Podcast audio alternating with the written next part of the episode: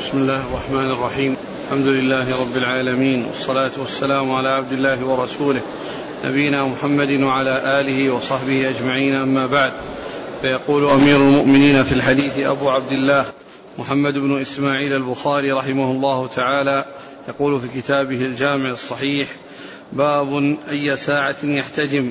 واحتجم أبو موسى ليلا قال حدثنا أبو معمر قال حدثنا عبد الوارث قال حدثنا أيوب عن عكرمة عن ابن عباس رضي الله عنهما أنه قال احتجم النبي صلى الله عليه وسلم وهو صائم.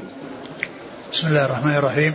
الحمد لله رب العالمين وصلى الله وسلم وبارك على عبده ورسوله نبينا محمد وعلى آله وأصحابه أجمعين أما بعد. يقول الإمام البخاري رحمه الله باب في أي ساعة يحتجم. أي أن الحجامة في أي وقت تكون وأورد في آه، آه، حديثا أثرا عن أبي موسى معلق وحديث مرفوع إلى رسول الله صلى الله عليه وسلم. الأول أن أبو موسى احتجم ليلا وهذا يدل على الحجامة بالليل وأنها تكون بالليل. والثاني الحديث أن النبي احتجم وهو وهو صائم وهذا يدل على أنها في النهار لأن الصيام إنما يكون في النهار. فالحديث فالترجمة يعني هي المقصود بها الاحتجام يعني لليل والنهار. وأورد حديث أثر بموسى نحتجم ليلا على أنها تكون في الليل وحديث الحديث الذي فيه أنه احتجم وهو صائم لأن الحجام أنه في النهار والحجامة تكون في الليل وفي النهار. نعم. قال حدثنا أبو معمر هو عبد الله بن عمرو المقعد. عن عبد الوارث بن سعيد العنبري. عن أيوب بن أبي تميم السختياني. عن عكرمة عن ابن عباس. نعم. قال رحمه الله تعالى باب الحجم في السفر والإحرام. قاله ابن بحينة عن النبي صلى الله عليه وسلم. قال حدثنا مسدد قال حدثنا سفيان عن عمرو عن طاووس وعطاء. عن ابن عباس رضي الله عنهما أنه قال احتجم النبي صلى الله عليه وسلم وهو محرم. ثم قال باب الحجامة في السفر والإحرام. يعني أنها تكون في الحضر والسفر وتكون أيضا في الإحرام. يعني كون الإنسان محرما له أن يحتجم. و وأورد فيه هذا الحديث عليه وسلم وهو محرم. وهو يدل على الحجامة في الإحرام ويدل على الحجامة في السفر لأن الإحرام إنما يكون في حال السفر يعني في كونه مسافرا لأنه يسافر من بلده ويحرم فيكون في حال إحرامه مسافرا. فإذا كونه احتجم وهو محرم يعني يدل على على أن الحجامة تكون في حال الإحرام وتكون في السفر لأن الغالب أن الإحرام إنما يحصل في في سفر. نعم. قال حدثنا قال الحجم في السفر والإحرام قاله ابن بحينة. قاله ابن أبي بحينة. ابن بحينة وهذا سيأتي حديث سيأتي مسندا. عبد الله بن بحينة رضي الله عنه هذا الحديث جاء عنه مسندا كما سيأتي قريبا. نعم. قال حدثنا مسدد ابن مسرهد عن سفيان. آه، بن عيينة. عن عمرو. بن دينار. عن طاووس وعطاء. طاووس بن كيسان وعطاء بن أبي رباح. عن ابن عباس. نعم. إذا احتجم الإنسان وهو محرم هل عليه كفارة أو فدية؟ لا ليس عليه كفارة. إلا إذا كان احتجم في رأسه وأخذ شعرا فهذا فيه خلاف. منهم من قال إنه يفدي إنه يعمل فدية يعني فدية الأذى عن أخذ الشعر ومنهم من يقول أنه ليس عليه شيء والاحتياط أنه يكون عليه فدية إذا أخذ شعرا بسبب الحجامة. الذي قبله احتجم صلى الله عليه وسلم هو الصائم. هل هذا كان قبل قوله احتجم الصائم أفطر الصائم الحاجم والمحجوم؟ أو هذه مسألة الصيام يعني كونه يفطر أو ما يفطر يعني هذا فيه خلاف بين أهل العلم. منهم من قال إنه يعني له أن يحتجم وهو صائم وليس عليه شيء. ومنهم من قال ومنهم من قال إنه آه، أنه لا يفطر. ومنهم من قال إنه يحصل الإفطار. في كما في حديث إفطار الحاجم والمحجوم. المحجوم لأنه خرج منه الدم والحاجم لأنه كان يمص المحاجم فيصل إلى حلقه. وقد يصل إلى حلقه شيء من هذا الدم. وأما بعد وجود الأجهزة التي تكون بها الحجامة بدون مص فهذا يكون الإفطار إنما هو للمحجوم دون الحاجم. أحسن الله الاستدلال بهذا الحديث. احتجر صلى الله عليه وسلم وهو صائم. استدلال على أن الحجامة حال الصيام لا تضر بفعله صلى الله عليه وسلم. إيه بس جاء بس جاء هذا الحديث لأفطر الحاجم ومحجوم منهم من قال بأنها يعني أن أنه يفطر وليس عليه شيء أنه يحجم وليس عليه شيء. ومنهم من قال أنه يفطر. منهم من قال إنه أنه أن أن أنها يحصل بالإفطار وذاك يعني يفيد أنه لا يحصل به إفطار. لكن كونه يحصل به الإفطار يعني آه واضح من قوله أفطر الحاجم والمحجوم. قال رحمه الله تعالى باب الحجامة من الداء. قال حدثنا محمد بن مقاتل قال أخبرنا عبد الله قال أخبرنا حميد الطويل عن أنس رضي الله عنه أنه سئل عن أجل الحجام فقال احتجم رسول الله صلى الله عليه وسلم حجمه أبو طيبة وأعطاه صاعين من طعام وكلم مواليه فخففوا عنه وقال إن أمثل ما تداويتم به الحجامة والقسط البحري وقال لا تعذبوا صبيانكم بالغمز من العذرة وعليكم بالقسط. ثم قال باب الحجامة من الداء. الحجامة من الداء. يعني الحجامة من الداء يعني بسبب الداء الذي يكون في الإنسان يعمل الحجامة من أجل أن يسلم من ذلك الداء. يعني أنها علاج للداء. ومعلوم أن فيها إخراج الدم يعني الخبيث. والدم الفاسد ويعني وإبقاء الدم الصالح. فإذا آه، هي تكون لإزالة الداء. تكون لإزالة الداء. أورد حديث. أنس سئل أنه سئل عن أجر الحجام. فقال احتجم الرسول صلى الله عليه وسلم حجمه أبو طيبة وأعطاه صاعين من طعام وكلم مواليه فخففوا عنه. ذكر هذا الحديث عن أنس أنه آه، احتجم أنه آه، أنه سئل عن أجل أنه سئل عن أجر الحجام فقال احتجم الرسول صلى الله عليه وسلم وأعطى الحجام أجره. احتجم وأعطى وأعطى الحجام أجره. فدل على على أن الحجامة أنها سائغة وأنه يتداوى بها وأنها من خير ما يتداوى به من خير ما يتداوى به. فإذا هي تستعمل من أجل السلامة من الداء وهي علاج للسلامة من الداء. احتجم وأعطى الحجام أجره. وهذا يدل على أن الحجام آه، يعطى أجره وليس بمحرم. وما جاء من ذمه فإنه لا لا يراد به التحريم. وإنما يراد به أن البيان أنها مهنة رديئة وأنه لا لا يرغب فيها ولا يحرص عليها. ولكن آه، إذا احتاج فإنه يستعملها الإنسان ويأخذ عليها الأجرة. لأنه لو كان حراما كما جاء في الحديث لو كان حراما لم يعطه أجره. ودل على إباحة أجر الحجام وأن ما جاء فيه من أنه خبيث يعني أنه رديء وليس بمحرم. نظير قوله ولا تيمموا الخبيث منه تنفقون يعني الرديء يعني من الطعام. لا تيمموا الخبيث منه تنفقون فيكون المقصود بكونه خبيثا يعني أنه رديئا وليس وليس بمحرم. احتجم رسول الله صلى الله عليه وسلم. حجمه أبو طيبة.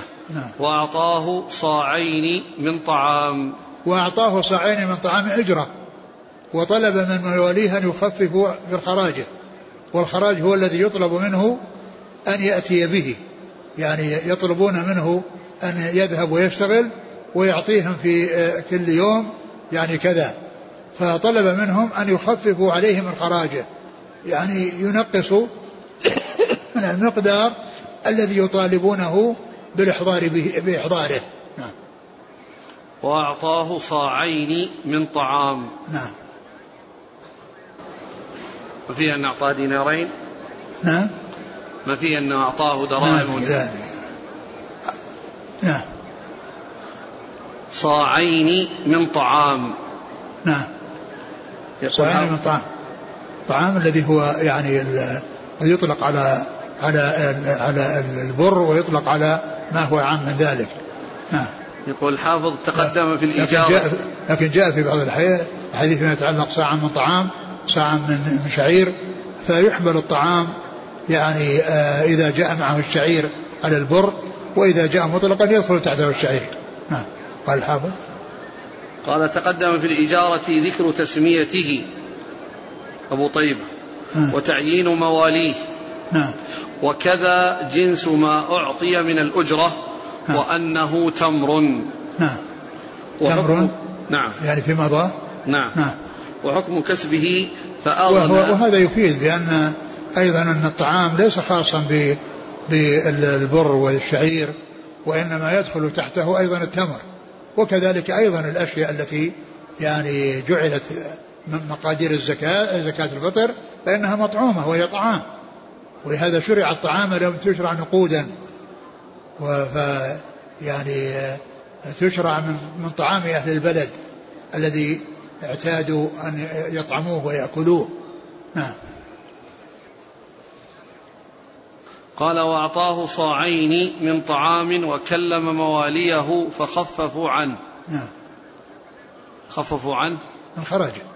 الخراج اللي يعني كان مكاتب؟ إي لا مكاتبة وانهم يعني يرسلونه يعمل ويحضر لهم هذا المقدار والباقي يكون له وقال إن أمثل ما تداويتم به الحجامة إن أمثل ما تداويتم به الحجامة والقسط البحري. نعم ذكر أن أمثل ما تداويتم به الحجامة. وهذا فيه يعني قال التداوي الحجامة من الداء. يعني أنها دواء للداء وأن أمثل ما يتداوى به الحجامة. ومر أن أن الشفاء يكون في ثلاث ومنها يعني شرطة محجم. وكذلك القسط البحري الذي هو العود الهندي الذي كانوا يستعملونه يعني للصبيان من العذرة وهو يعني ما يجعلونه في حلوقهم من أجل سلامتهم من من العذرة الذي هو وجع الحلق نعم. قال وقال لا تعذبوا صبيانكم بالغمز من العذرة. وقال لا تعذبوا صبيانكم بالغمز من العذرة. يعني كونهم يعني يدخلون أصابعهم في حلوقهم ويرفعون. يعني اللهات أو اللحمة التي في أعلى في سقف في أعلى سقف الفم يعني من من من, من أقصى الحلق أو من الحلق. قال لا تعذبوهم بأنهم يدخلون أصابعهم ويرفعونها وإنما يلدون يعني من هذا اللي هو القسط البحري. نعم. وعليكم بالقسط. نعم. قال حدثنا محمد بن مقاتل. نعم. عن عبد الله ابن المبارك. عن حميد الطويل نعم. عن أنس. نعم. قال حدثنا سعيد بن تليد. قال حدثني ابن وهب. قال أخبرني عمرو وغيره أن بكيرا نعم. أن بكيرا حدثه أن عاصم بن عمر بن قتادة حدثه أن جابر بن عبد الله رضي الله عنهما عاد المقنع ثم قال لا أبرح حتى تحتجم فإني سمعت رسول الله صلى الله عليه وسلم يقول إن فيه شفاء. ثم ذكر هذا الحديث عن جابر الذي الذي روى عن النبي صلى الله عليه وسلم أن فيه شفاء يعني بالحجامة. أن فيه شفاء وقال إني لا أبرح حتى يعني معناه هذا تأكيد وتحريض على استعمال الحجامة لأن النبي صلى الله عليه وسلم قال إن فيه إن فيها شفاء. نعم. عاد المقنع. المقنع هو؟ جابر قال عاد المقنع. ابن سنان تابعي قال لا أعرف لا أعرفه إلا في هذا الحديث. نعم. يعني له ذكر ولا ما هو براوي هو؟ هو من المذكورين لا من الرواة. ليس له رواية ولكن له ذكر. قال حدثنا سعيد بن تليد. ولكن أحيانا ما أدري البخاري رمز له شوف ابن حجر رمز له في شيء. ما ذكره في. ها؟ لم يذكره في لم التقريب يذكره. لأنه كما قلتم ليس له رواية ذكر فقط. نعم بل أحيانا ال- في التقريب وفي أصله يذكر من له ذكر فقط. يعني مثل ما جاء في الحديث الذي فيه آه إذا مرض العبد وسافر في كتاب الجهاد إذا مرض العبد وسافر كتب له ما كان يعمل وهو صحيح مقيم. يعني يقول أبو بردة بن أبي موسى آه ذهبت في سفر أنا ويزيد بن أبي كبشة فكان يزيد يصوم في السفر فقلت له أفطر وذكر الحديث أن النبي صلى الله عليه وسلم قال إذا مرض العبد وسافر كتب له ما كان يعمل وهو صحيح مقيم. يعني يزيد بن أبي كبشة ليس له رواية.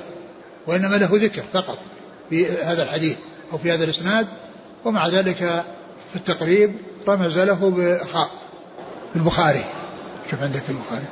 يزيد بن أبي كبشة. يزيد بن أبي كبشة السكسكي الدمشقي مقبول من الثالثة خاء. أي نعم. يعني هو يعني جاء ذكره في هذا الموضع وليس له رواية. الحافظ بن حجر قال ليس له رواية. وإنما قال له ذكر في, هذا الموضع. نعم. قال حدثنا سعيد بن تليد نعم. عن ابن وهب نعم عبد الله بن وهب. عن عمرو بن الحارث. قال أخبرني عمرو وغيره نعم وغيره. أن بكيرا نعم. إذا قال عمرو وغيره يقول ابن حجر لا يعرف. إلا أن يكون آه، إلا أن يكون آه، قال ويغلب على ظني أنه ابن لهيعة. ابن لهيعة نعم. وقد أخرج الحديث أحمد ومسلم والنسائي وأبو عوان والطحاوي وإسماعيل بن حبان من طرق عن ابن وهب عن عمرو بن الحارث وحده لم يقل أحد في الإسناد وغيره. نعم. عن بكير. وكان بن عبد الله بن أشج. عن عاصم بن عمر بن قتادة. نعم. عن جابر بن عبد الله. نعم. قال رحمه الله تعالى باب الحجامة على الرأس. قال حدثنا إسماعيل قال حدثني سليمان عن علقمة أنه سمع عبد الرحمن الأعرج أنه سمع عبد الله بن بحينة رضي الله عنه يحدث أن رسول الله صلى الله عليه وسلم احتجم بلحي جمل من طريق مكة وهو محرم في وسط رأسه. وقال الأنصاري أخبرنا هشام بن حسان قال حدثنا عكرمة عن ابن عباس رضي الله عنهما أن رسول الله صلى الله عليه وسلم احتجم في رأسه. ثم ذكر باب الحجامة الرأس. نعم على الرأس. باب الحجامة على الرأس. يعني أن الحجامة جاء ما يدل على يعني أنها تكون على الرأس وأيضا في الإحرام. وهذا هو الحديث الذي علقه البخاري يعني في في أول يعني في في باب مضى. قال فيه عن عبد الله عن, عن ابن بحينة. قاله ابن بحينة. قال هذا هذا الحديث هو الذي أشار إليه. أو أشار إليه هناك. يعني هناك ذكره تعليقا وهنا ذكره مسندا. قال احتجم النبي عليه وسلم بلحي جمل بلحي جمل وهو مكان في طريق مكة. نعم. وهو لحي محرم. جمل مكان في طريق مكة. نعم. وهو محرم. وهو محرم. وهذا هو الذي فيه محل الشاهد من فيما مضى يعني كون ال ال يحتجم وهو محرم. نعم. في وسط رأسه. في وسط رأسه. نعم يعني هذا يعني في الرأس معلوم أن الحجامة لا تكون إلا بحلق الشعر. يعني حتى يحجم مكان مكان الشعر. نعم. وقال الأنصاري بسند عن ابن عباس أن الرسول صلى الله عليه وسلم احتجم في رأسه. احتجم في رأسه وهناك في اللفظ احتجم في وسط رأسه. في وسط رأسه يعني هناك فيه التنصيص على الوسط وهنا ذكر مطلق. يعني الرأس مطلقة. نعم. ما كان في إزالة شعر؟ احتجامها الآن لا صار شك لا شك فيه إزالة شعر. ها؟ أقول أقول لا شك أن فيه إزالة شعر. ولم تذكر أنه افتدى ولم يذكر ولم يذكر يعني شيء يعني لكن ما جاء في حديث ابن بحينة أما حديث كعب بن عجرة الذي فيه أنه أمره يعني بأن يحلق وأن يعمل فدية لأنه يعني من أجل إزالة الأذى وهذا أيضا نفس إزالة الشعر أو هذا المحل من أجل إزالة هذا الشيء الذي يراد نفع الحجامة فيه لأن الحجامة ما تكون إلا على الجلد ولا تكون على الشعر. قال حدثنا إسماعيل عن سليمان. إسماعيل بن أبي ويس سليمان بن بلال. عن علقمة. علقمة بن ابن ابن ابن أبي علقمة. عن عبد الرحمن الأعرج. نعم وهو, وهو عبد الرحمن بن هرمز. عن عبد الله بن بحينة. نعم. قال إسناده مدنيون. نعم. وقال الأنصاري الأنصاري محمد بن عبد الله الأنصاري. عن هشام بن وهذا من كبار شيوخ البخاري الذين روى عنهم الثلاثيات. نعم. عن هشام بن حسان نعم. عن عكرمة عن ابن عباس. نعم. قال رحمه الله تعالى باب الحجم من الشقيقة والصداع. قال حدثني محمد بن بشار. قال حدثنا ابن أبي عدي عن هشام عن عكرمة عن ابن عباس رضي الله عنهما قال احتجم النبي صلى الله عليه وآله وسلم في رأسه وهو محرم من وجع كان به بماء يقال له لحي جمل. وقال محمد بن سواء أخبرنا هشام عن كلمة عن ابن عباس أن رسول الله صلى الله عليه وآله وسلم احتجم وهو محرم في رأسه من شقيقة كانت به. باب الحجم من الشقيقة والصداع. باب الحجم من الشقيقة والصداع. الشقيقة وجع في الرأس. وكذلك الصداع يكون في الرأس. والرسول صلى الله عليه وسلم احتجم يعني في مكان في طريق مكة يقال له لحي جمل على رأسه. قال إيش؟ احتجم. في الأول قال احتجم النبي صلى الله عليه وسلم في رأسه وهو محرم من وجع كان به. من وجع كان به يعني برأسه. ويقال لوجع الرأس شقيقة ويقال له صداع. نعم. بماء يقال له لحي جمل. نعم. في الإسناد الحديث الثاني ابن عباس احتجم وهو محرم في رأسه من شقيقة كانت به. يعني في وجع الرأس شقيقة. ش... شقيقة وجع الرأس وش يقولون نصفي. ها؟ نصفي. يعني ليس الصداع في جميع رأسه. في أحد يعني الجانبين في نصف منه شق منه لذلك سميت شقيقة. صحيح الكلام؟ ما أدري لا ما أدري. هل هي مقصورة على ما إذا كان في نصف الرأس؟ صلى الله إليك. يقول حافظ بن حجر والشقيقة بشين معجمة وقافين وزن عظيمة وجع يأخذ في أحد جانبي الرأس. أحد جانبي الرأس؟ أي نعم. أو في مقدم أو مقدمه. وذكر أهل الطب أنه من الأمراض المزمنة. وسبب أبخرة مرتفعة أو أخلاط حارة أو بارد ترتفع إلى الدماغ. فإن لم تجد منفذا أحدث الصداع. فإن مال إلى أحد شقي الرأس أحدث الشقيقة. وإن ملك قمة الرأس أحدث داء البيضة. وذكر الصداع بعده من العام بعد الخاص. يعني هناك يعني فسرها تفسيرين الجانب أو المقدم. قال حدثني محمد بن بشار هو الملقب بن دار. عن ابن أبي عدي وهو محمد بن إبراهيم نعم. عن هشام عن عكرمة عن ابن عباس. نعم. هشام بن حسان القردوسي. نعم لمروه نعم. وقال محمد بن سواء نعم. السدوسي عن هشام عن عكرمة عن ابن عباس. نعم. قال حدثنا إسماعيل بن أبان قال حدثنا ابن الغسيل قال حدثني عاصم بن عمر عن جابر بن عبد الله رضي الله عنهما قال سمعت النبي صلى الله عليه وسلم يقول إن كان في شيء من أدويتكم خير ففي شربة عسل أو شرطة محجم. إن كان. إن كان في شيء من أدويتكم خير ففي شربة عسل أو شرطة محجم أو لذعة من نار وما أحب أن أكتوي. نفس الباب؟ نعم.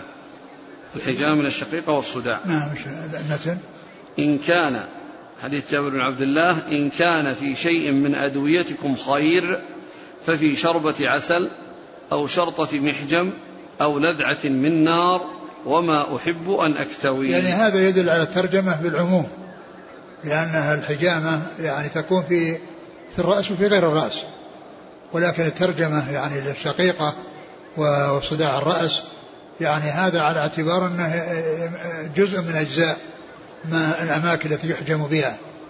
فيعني الأول أو الحديث الأول يعني كان في الرأس ومحدد وأما هنا ذكر لفظا عاما. يشمل الرأس يشمل الرأس وغير الرأس. وقوله إن كان يعني هذا أحيانا يأتي بهذا اللفظ ولا يراد به الشك وإنما يراد به الخبر المحقق. نعم. قال حدثنا إسماعيل بن أبان نعم. عن ابن الغسيل. وهو عبد الرحمن بن سليمان. بن سليمان يعني ينسب إلى إلى حنظلة الغسيل الذي آه خرج يعني سمع الجهاد في سبيل الله وخرج وكان عليه جنابة فاستشهد وأخبر النبي صلى الله عليه وسلم أنه غسلته الملائكة. فلهذا يقال له الغسيل. يعني غسيل الملائكة عن عاص بن عمر نعم. عن جابر بن عبد الله نعم.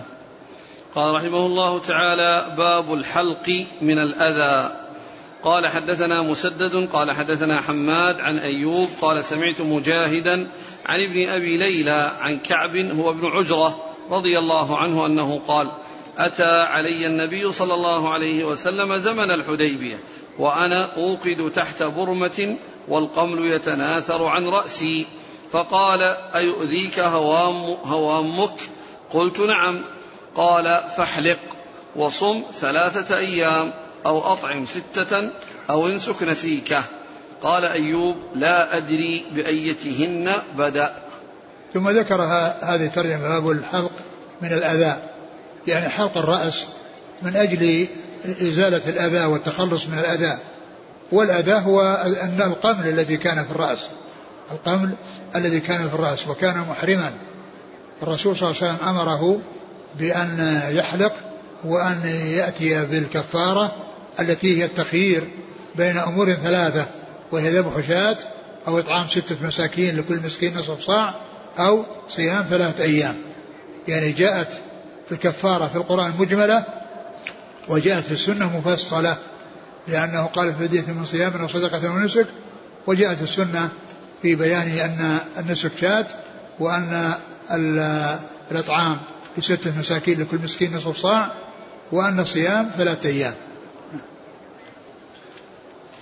قال حدثنا مسدد. والحديث سبق أن مر يعني في قول يعني المريض أنا وجع ولأنه قال يؤذيك هوام رأسك يعني يعني أنه فيه ذكر أنه يعني يتأذى بهوام الرأس وهنا ذكره من أجل الحلق من أجل الأذى الذي هو القمل الذي يكون في الرأس ويتأذى به الإنسان. فأرشده إلى حلق الرأس وهو محرم وأخبره وبين عليه وبين له الكفارة التي تلزمه في ذلك. نعم قال حدثنا مسدد عن حماد عن أيوب عن مجاهد. نعم. عن مسدد, مسدد عن حماد؟ أي نعم. حماد بن؟ زيد. نعم. عن, عن أيوب, أيوب عن مجاهد. نعم. مجاهد بن جبر. عن ابن أبي ليلى. عبد الرحمن بن أبي ليلى. عن كعب هو ابن عجرة. نعم. قال أيوب لا أدري بأيتهن بدأ. يعني لا أيهم بدأ. هل بدأ بالذبيحة بالنسك أو بدأ بالصيام الذي هو ثلاثة أيام أو بدأ بالإطعام الذي هو آه، ستة مساكين لكل مسكين نصف صاع. يعني لا لا لا, لا يجزم بالذي بدأ به. نعم. قال رحمه الله تعالى باب من اكتوى أو كوى غيره وفضل من لم يكتوي. قال حدثنا أبو الوليد هشام بن عبد الملك قال حدثنا عبد الرحمن بن سليمان بن الغسيل قال حدثنا عاصم بن عمر بن قتادة قال سمعت جابرا رضي الله عنه عن النبي صلى الله عليه وآله وسلم أنه قال إن كان في شيء من أدويتكم شفاء ففي شرطة محجم أو لذعة بنار وما أحب أن أكتوي. ثم ذكر باب من اكتوى أو كوى غيره وفضل من اكتوى أو كوى غيره وفضل من لم يكتوي. وفضل من لم يكتوي. ذكر هذا الحديث آه وفيه أن الرسول صلى الله عليه وسلم قال إن كان في شيء من أدويتكم شفاء ففي شرطة محجم أو لذعة بنار. نعم. وما أحب أن أكتوي. وما أحب أن أكتوي. آه باب. من اكتوى أو كوى غيره وفضل يعني معناه أن أن أن الكين سائغ وأن كون الإنسان يعني يطلب من غيره أن يكويه أو كذلك يكوي غيره أو يكوي نفسه كل ذلك سائغ وفضل من لم يكتوي أن من ترك الكي آه، آه، فإن تركه أولى لأن الرسول صلى الله عليه وسلم أخبر بأن من صفات السبعين ألف الذين يدخل الجنة بغير حساب ولا عذاب بأنهم ما كانوا يكتوون كما سيأتي في الحديث. نعم. والرسول كوى يعني سعد بن معاذ. نعم.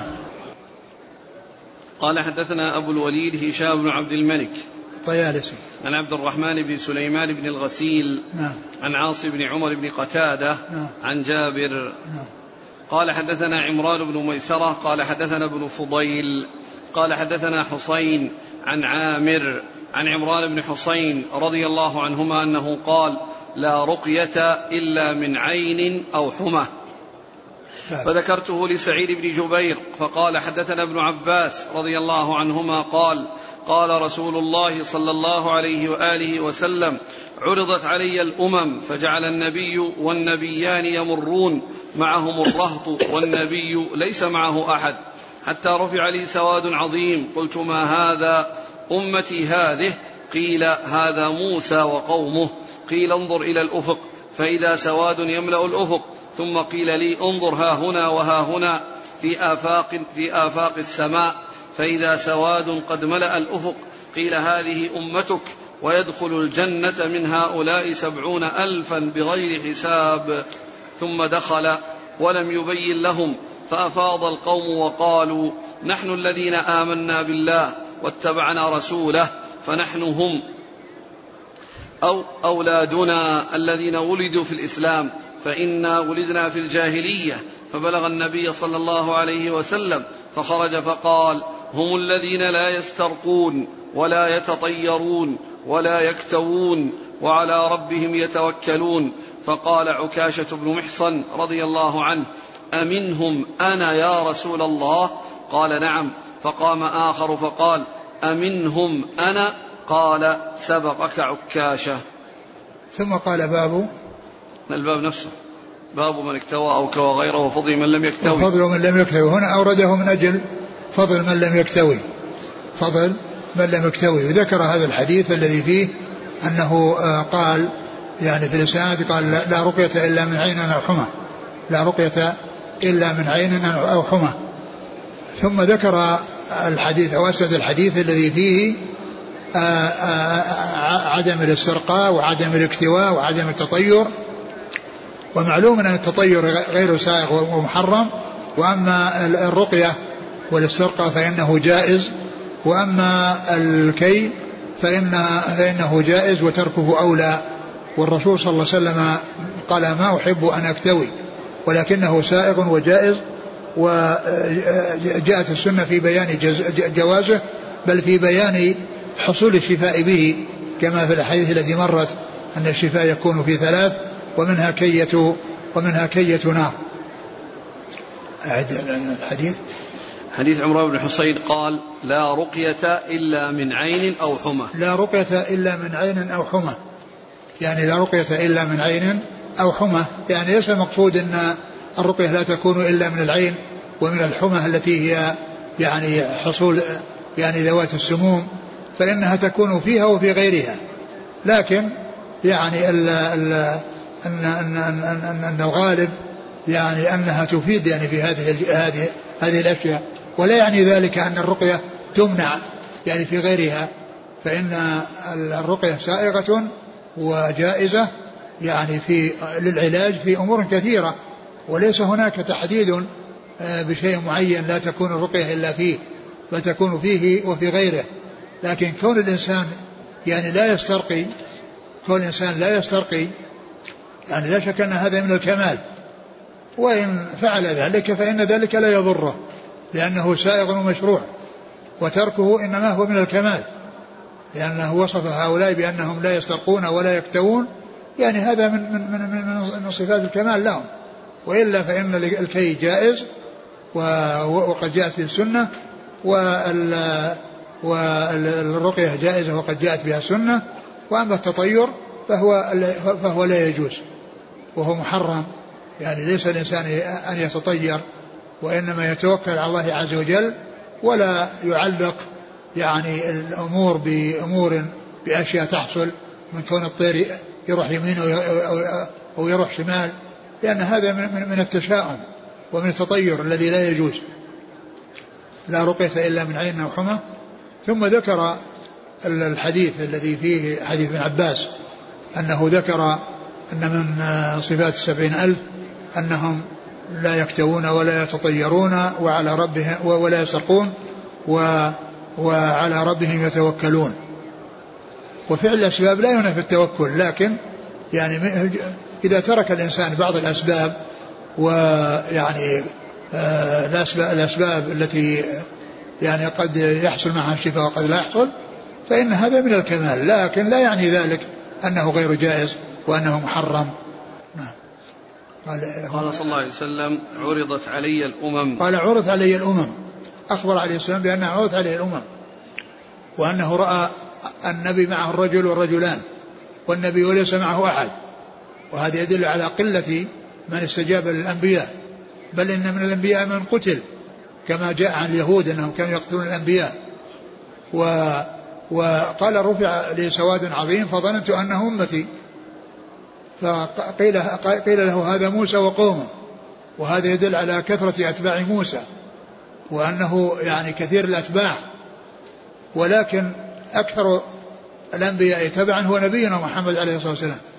قال ثم رفع لي سواد عظيم فقال هذه أمة هذه أمتك؟ ومعهم سبعون ألفا يدخلون الجنة بغير حساب ولا عذاب. ثم خاضوا فصاروا يتحدثون. يا رسول ما بين لهم في الحال. فصار بعضهم يقول هؤلاء نحن أي الصحابة. لأن لأننا دخلنا في الإسلام وكنا مع الرسول صلى الله عليه وسلم وجاهدنا معه.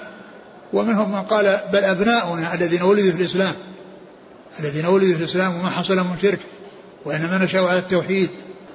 فخرج عليهم النبي صلى الله عليه وسلم فقال هم الذين لا يسترقون ولا يكتوون ولا يتطيرون وعلى ربهم يتوكلون. نعم. فقال عكاشة بن محصن أمنهم أنا يا رسول الله؟ قال عكاشة بن محصن أمنهم أنا وفي بعض الروايات قال ادعوا الله يجعلني منهم. ادعوا الله يجعلني منهم فقال عليه السلام أنت منهم.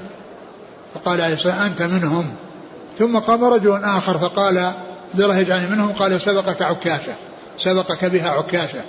وهذا من كمال يعني آه من, من, من كمال آه يعني آه نصحه وعدم مقابلة يعني أحد بما يسوءه لأنه ما ما قال له يعني أنت لست منهم ولا قال أنت منهم وإنما قال سبقها عكاشة لأنه لو كان كل واحد يعني بقال له يأتي ثم يقال أنت منهم؟ يعني معناه ينتهي عدد كبير. لكن الرسول صلى الله عليه وسلم أعطاه للأول والذي والذي بعده أتى بقوله سبقك بها عكاشة يعني أنه لا لا يصلح أن كل واحد يأتي ويطلب يعني هذا الشيء وإنما يجتهد هو في الأعمال الصالحة التي تجعله من أهل يعني الذي تجعله من هؤلاء.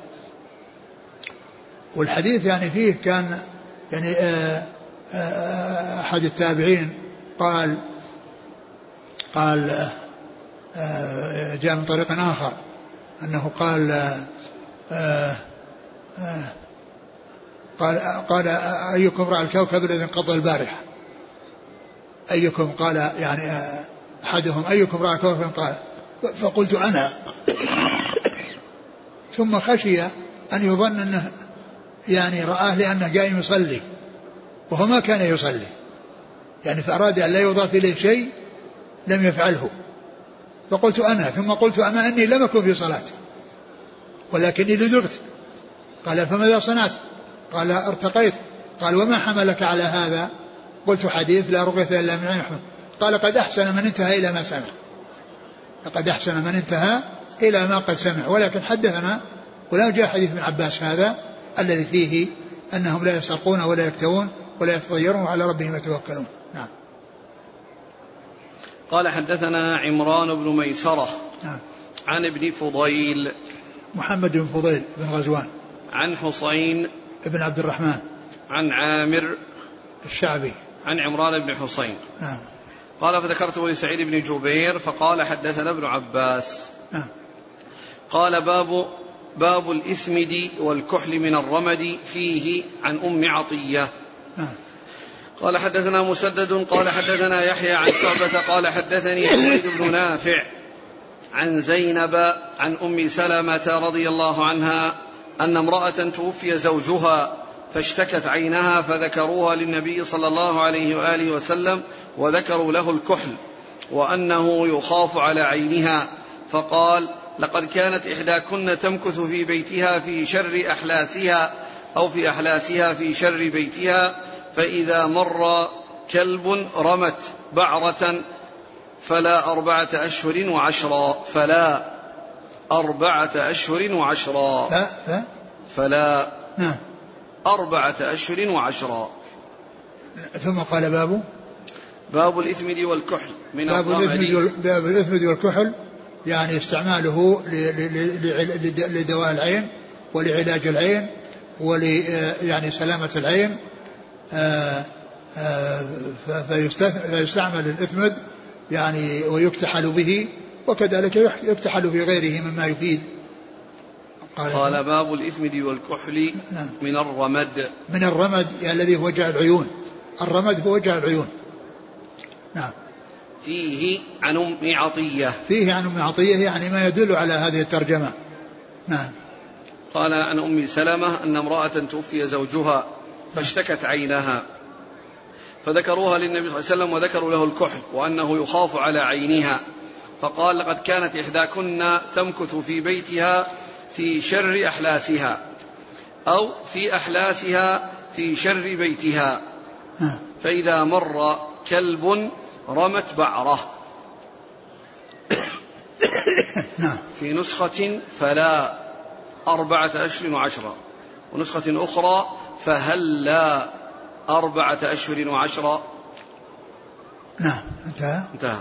الحديث ذكر في هذا الحديث أن امرأة يعني توفي عنها زوجها وأنه قيل له ان إنها يعني عينها يعني آلمتها. ويستأذنونه في الكحل والكحل هو من الزينة التي يتزين بها والمرأة المتوفى عنها ممنوعة من الزينة ممنوعة من الزينة. فقيل له ان أنه يلحقها مضرة بعدم الاكتحال.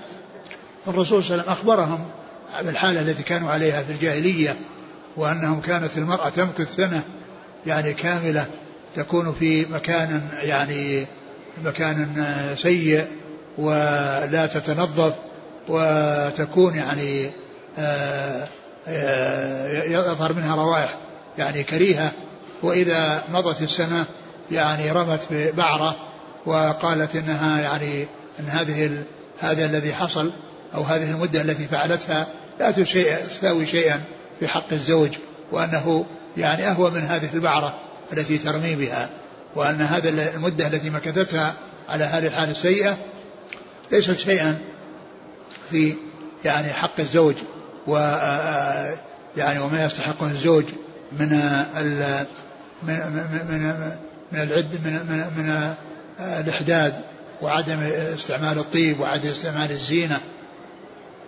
فقال فلا أربعة أشهر وعشرة. فلا يعني الذي الذي شرع لكم أربعة أشهر وعشر وقبل كان في سنة كاملة.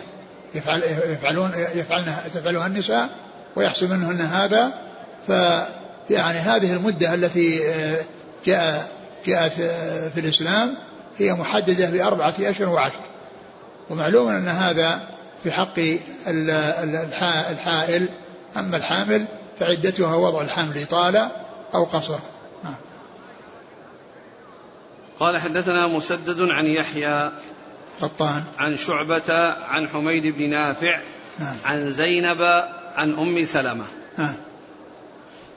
قال رحمه الله تعالى باب الجذام. وقال عفان حدثنا سليم بن حيان. قال حدثنا سعيد بن ميناء. قال سمعت أبا هريرة رضي الله عنه يقول قال رسول الله صلى الله عليه وآله وسلم لا عدوى ولا طيرة ولا هامة ولا صفر. وفر من المجذوم كما تفر من الأسد. ثم قال باب الجذام. نعم.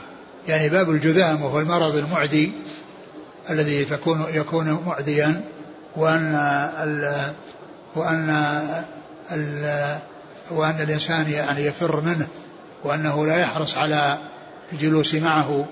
و آه، آه، وقال أول لا, لا, لا, لا عدوى ولا هامة. لا لا لا عدوى. ونعم ولا عدوى ولا طيرة لا ولا عدوى ولا طيرة.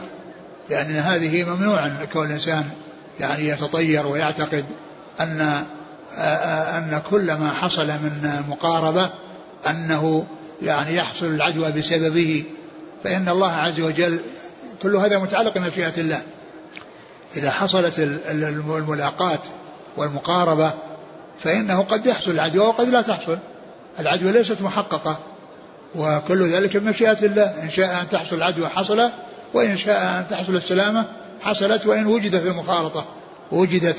ولكن يعني مع هذا لا يتساهل الناس في في في مسائل الأمراض المعدية فإنهم يحرصون على السلامة منها والابتعاد منها. ولهذا قال وفر من المجذوم فرارك من الأسد. يعني ما كما تفر من الأسد ليبطش بك فكذلك تفر منه لئلا تصل إليك العدوى بسبب مخالطتك مخالطتك إياه. لا عدوى ولا طيرة. يعني فالمقصود بقوله لا عدوى يعني أن الأمور هذه لا تعدي بطبعها وأن مجرد الاتصال يحصل به وإنما يكون ذلك بمشيئة الله. فإن شاء أن يتعدى المرض تعدى وإن شاء أن لا يتعدى بقي. ولهذا الرسول عليه الصلاة والسلام لما يعني سئل قال من أعدى الأول؟ من أعدى الأول؟ يعني الذي أصابه المرض لأول مرة ما حصل له عدوى الذي حصل له المرض لأول مرة ما جاء عن طريق العدوى جاء من الله عز وجل. نعم. لا عدوى ولا طيرة. ولا هامة. ولا هامة. يعني هي يعني شيء يتطيرون به. يعني من من من الدواب من الطيور أو كذا نعم. ولا صفر. ولا صفر يعني قيل أنهم يتشاءمون في شهر صفر. نعم. وفر من المجذوم كما تفر من الأسد. نعم. قال حدث قال وقال عفان. نعم. معلق. إيه وقال عفان نعم. عن سليم بن حيان. نعم. عن سعيد بن ميناء عن أبي هريرة. هذا نفس الحديث؟ نعم. نعم. قال عفان. حدثنا سليم بن حيان. نعم. قال حدثنا سعيد بن ميناء سليم بن حيان هذا فتح السين. وهو قليل أو نادر الذي يأتي بالسين فتح السين. والأكثر سليم. ولهذا لما ذكر في التقريب من يسمى سليم يسمى سليم ذكر عددا. ولما جاء عند سليم ذكر شخصا واحدا. الذي هو سليم بن حيان. فإذا الغالب أن ما يأتي بهذه الصيغة هو التصغير وأن الذي يأتي على بفتح الأول يعني هذا هو النادر وفيه يعني هذا الرجل الذي هو سليم بن حيان. سليم بن حيان. وأما سليم فهو كثير وفي التقريب يعني ذكر مجموعة يعني من, هو سليم بالفتح ثم ذكر بالضم ثم ذكر بفتح هذا الشخص الواحد الذي هو سليم بن حيان. قال رحمه الله تعالى باب المن شفاء للعين. قال حدثنا محمد بن المثنى قال حدثنا غندر قال حدثنا شعبة عن عبد الملك قال سمعت عمرو بن حريث قال سمعت سعيد بن زيد رضي الله عنه قال سمعت النبي صلى الله عليه وآله وسلم يقول الكمأة من المن وماؤها شفاء للعين. قال شعبة وأخبرني الحكم بن عتيبة عن الحسن العراني عن عمرو بن حريث عن سعيد بن زيد عن النبي صلى الله عليه وآله وسلم قال شعبة لما حدثني به الحكم لم أنكره من حديث عبد الملك. ثم قال باب المن شفاء للعين. المن شفاء للعين. المن شفاء للعين. وذكر في الحديث أن الكمأة من المن. والمن هو الذي ينزل من السماء ومنه الكمأة التي تكون بالمطر الذي ينزل من السماء وتخرج من الأرض. فيعني يعني يستفيد منها الناس يعني في المآكل. وفيها أيضا هذا العلاج الذي أرشد إليه الرسول صلى الله عليه وسلم وأنه شفاء للعين. الكمأة من المن يعني المن الذي ينزل من السماء وفيها شفاء للعين. فهذا يعني يدل على وماؤها. وماؤها نعم. وماؤها شفاء للعين. يعني أن ماء الكمأة أن فيه شفاء للعين. نعم. يعني ماءها هي ولا تغلى؟ غلي يؤخذ ما أدري كيف يعمل لكن الماء الذي فيها شفاء للعين يعني بكيفية استعماله هل هو بمجرد يعني آه، كونه يعصر أو كونه يغلى لا أدري. قال حدثنا محمد بن المثنى. هو أبو موسى الزمن. عن غندر عن شعبة. محمد بن جعفر شعبة بن الحجاج. عن عبد الملك. بن عمير. عن عمرو بن حريث. نعم. عن سعيد بن زيد. نعم. قال شعبة. سعيد, سعيد بن زيد أحد العشرة المبشرين بالجنة. أحد العشرة المبشرين سعيد بن زيد. نعم. قال شعبة وأخبرني الحكم بن عتيبة عن الحسن العرني عن عمرو بن حريث عن سعيد. أخبرني. قال شعبة نعم. وأخبرني الحكم بن عتيبة نعم. عن الحسن العرني نعم. عن عمرو بن حريث عن سعيد بن زيد نعم. عن النبي صلى الله عليه وسلم. نعم. قال شعبة لما حدثني به الحكم لم أنكره من حديث عبد الملك. نعم. لم أنكره من حديث عبد الملك. يعني أنها لا لا أنها جاء من طريقين. أنه جاء من طريقين. قال رحمه الله تعالى باب اللدود.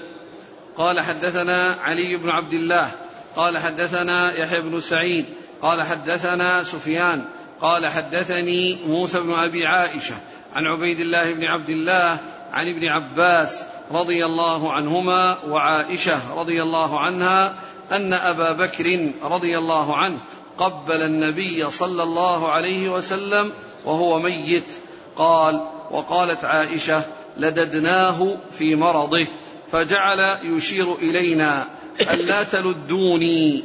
فقلنا كراهية المريض للدواء. فلما أفاق قال ألم أنهكم أن تلدوني؟ قلنا كراهية المريض للدواء فقال لا يبقى في البيت أحد إلا لد وأنا أنظر إلا العباس فإنه لم يشهدكم. وقال باب اللدود. نعم. اللدود هو الذي يعني يكون في الحلق يعني من العلاج الذي يعالج به يعني يقال له لدود. كما سبق أن مر أن اللدود والسعوط والوجور والطهور والوضوء آه، كلها ألفاظ يعني تأتي إذا جاءت في الفتح فالمراد به الشيء المستعمل وإن وإن جاءت في الضم فالمراد به الاستعمال نفس الاستعمال. ثم ذكر يعني هذا الحديث أن أن النبي صلى الله عليه وسلم أن أبا بكر قبل الرسول صلى الله عليه وسلم بعد موته يعني قبل الرسول عليه الصلاة والسلام بعد موته وأنهم قالت عائشة وقالت عائشة لددناه في مرضه فجعل لددناه في مرضه يعني أنهم وضعوا يعني هذا اللدود في حلقه. نعم. فجعل يشير إلينا ألا تلدوني. وكان يشير إليهم ألا يفعلوا ولكنهم حبا لشفائه ورغبة في مصلحته وأنهم يعني فهموا أن الرسول إنما نهاهم من أجل كراهية المريض للدواء. الصحابة الذين كانوا عند النبي صلى الله عليه وسلم رأوا من المصلحة أنهم يلدونه لأمل في أن يحصل له شفاء بذلك. ولكن الرسول صلى الله عليه وسلم أشار إليهم ألا يفعلوا فنهاهم بالإشارة لأنه كان يعني لا يستطيع الكلام عليه الصلاة والسلام من شدة المرض. ثم إنهم فعلوا ولما أفاق قال ألم أنهكم؟ قالوا إن إن إن أنهم فهموا أن هذا من أجل كراهة المريض للدواء. فالرسول عليه الصلاة والسلام ما عذرهم وأمر أن يلدوا يعني لأنهم خالفوا يعني نهيه عليه الصلاة والسلام إلا العباس فإنه قال لم يشهدهم يعني وكأنه جاء يعني بعدما حصل يعني منهم هذا الفعل. يعني ف يعني ومعنى ذلك أن الحاضرين كانوا موافقين على هذا الشيء وأنهم كلهم كانوا حريصين على مصلحته وعلى حصول الشفاء له عليه الصلاة والسلام. فأمر أن يلدوا الذي باشر اللد والذي حضره. ولكن الذي آه، جاء بعد أن حصل هذا الفعل هو الذي استثني. فقال إلا العباس فإنه لم يشهد.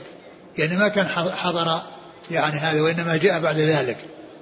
ف يعني أمر بأن يلد من باشر ومن أقر ومن شهد ولم يمنع. وهذا يفيد بأنهم متفقون وأنهم يعني كلهم يعني ما حصل منهم امتناع وما أحد منع. وكل ذلك رغبة في شفاء رسول الله صلوات الله وسلامه وبركاته عليه. قال حدثنا علي بن عبد الله نعم. عن يحيى بن سعيد القطان. عن سفيان سفيان ثوري ثوري نعم. عن موسى بن أبي عائشة. نعم. عن عبيد الله بن عبد الله. نعم. عن ابن عباس وعائشة. نعم.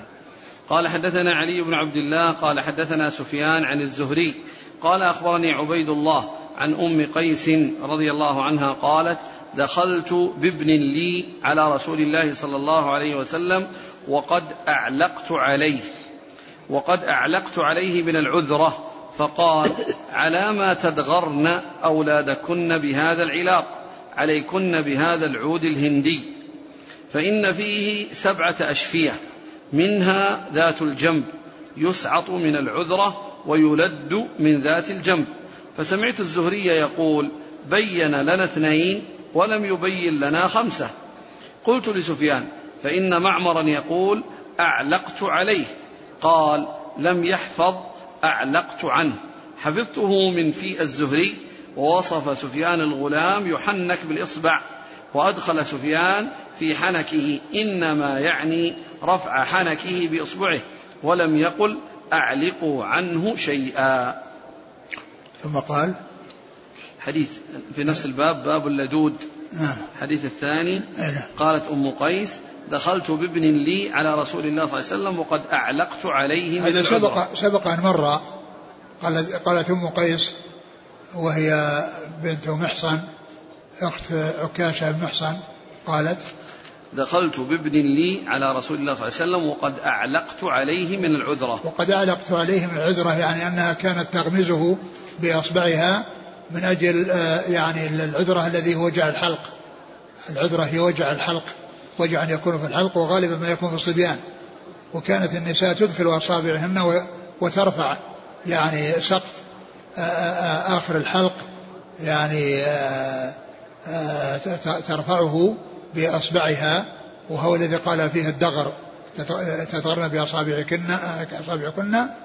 ف فالرسول عليه أرشدهن إلى ترك هذا الإعلاق الذي هو الذي كان يفعلونه وفيه مضرة للصبي وأنهم يستعملون يعني هذه الأدوية وهذا العلاج الذي يفيد وذكر أن العود البحري فقال على ما تدغرن أولادكن بهذا العلاق عليكن بهذا العود الهندي. نعم. فإن فيه سبعة أشفية نعم. منها ذات الجنب يسعط من العذرة ويلد من ذات الجنب.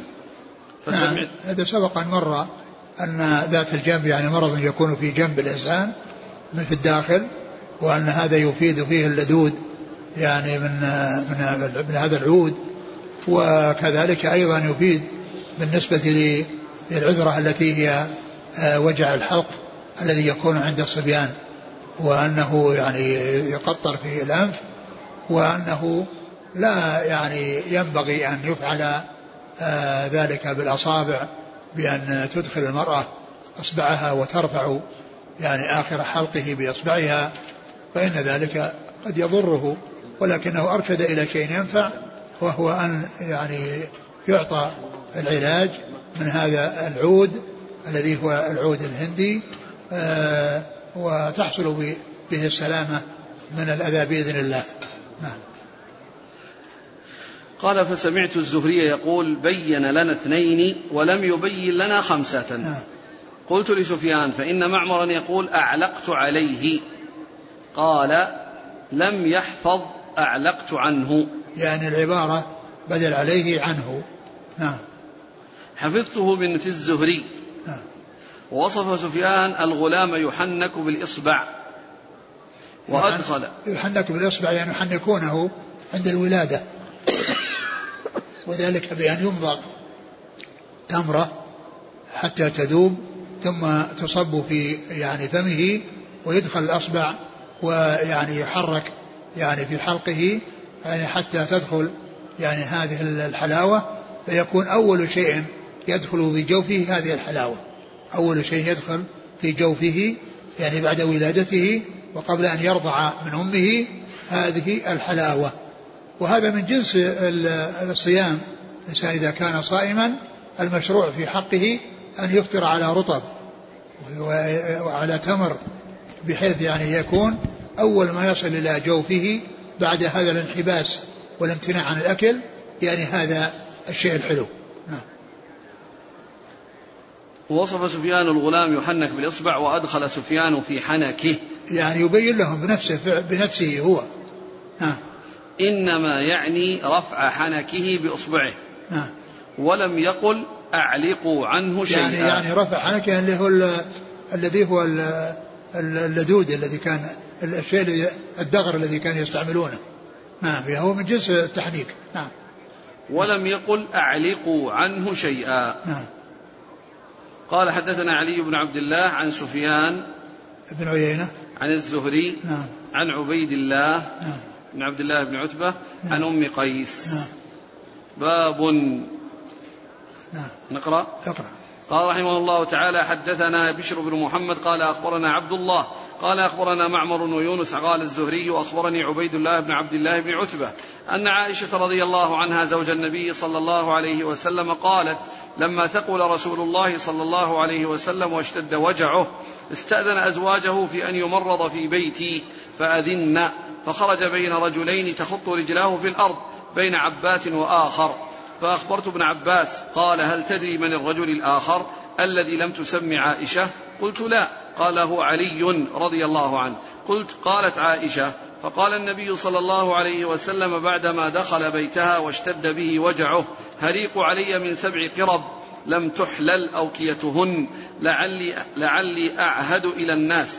قالت فأجلسناه في مخضب في مخضب لحفصة زوج النبي صلى الله عليه وسلم ثم طفقنا نصب عليه من تلك القرب حتى جعل يشير إلينا أن قد فعلتن. قالت وخرج إلى الناس فصلى لهم وخطبهم. والله تعالى أعلم وصلى الله وسلم وبارك على عبده ورسوله نبينا محمد وعلى آله وأصحابه أجمعين. جزاكم الله خيرا وبارك الله فيكم والهمكم الله الصواب ووفقكم للحق. نفعنا الله ما سمعنا وغفر الله لنا ولكم وللمسلمين أجمعين.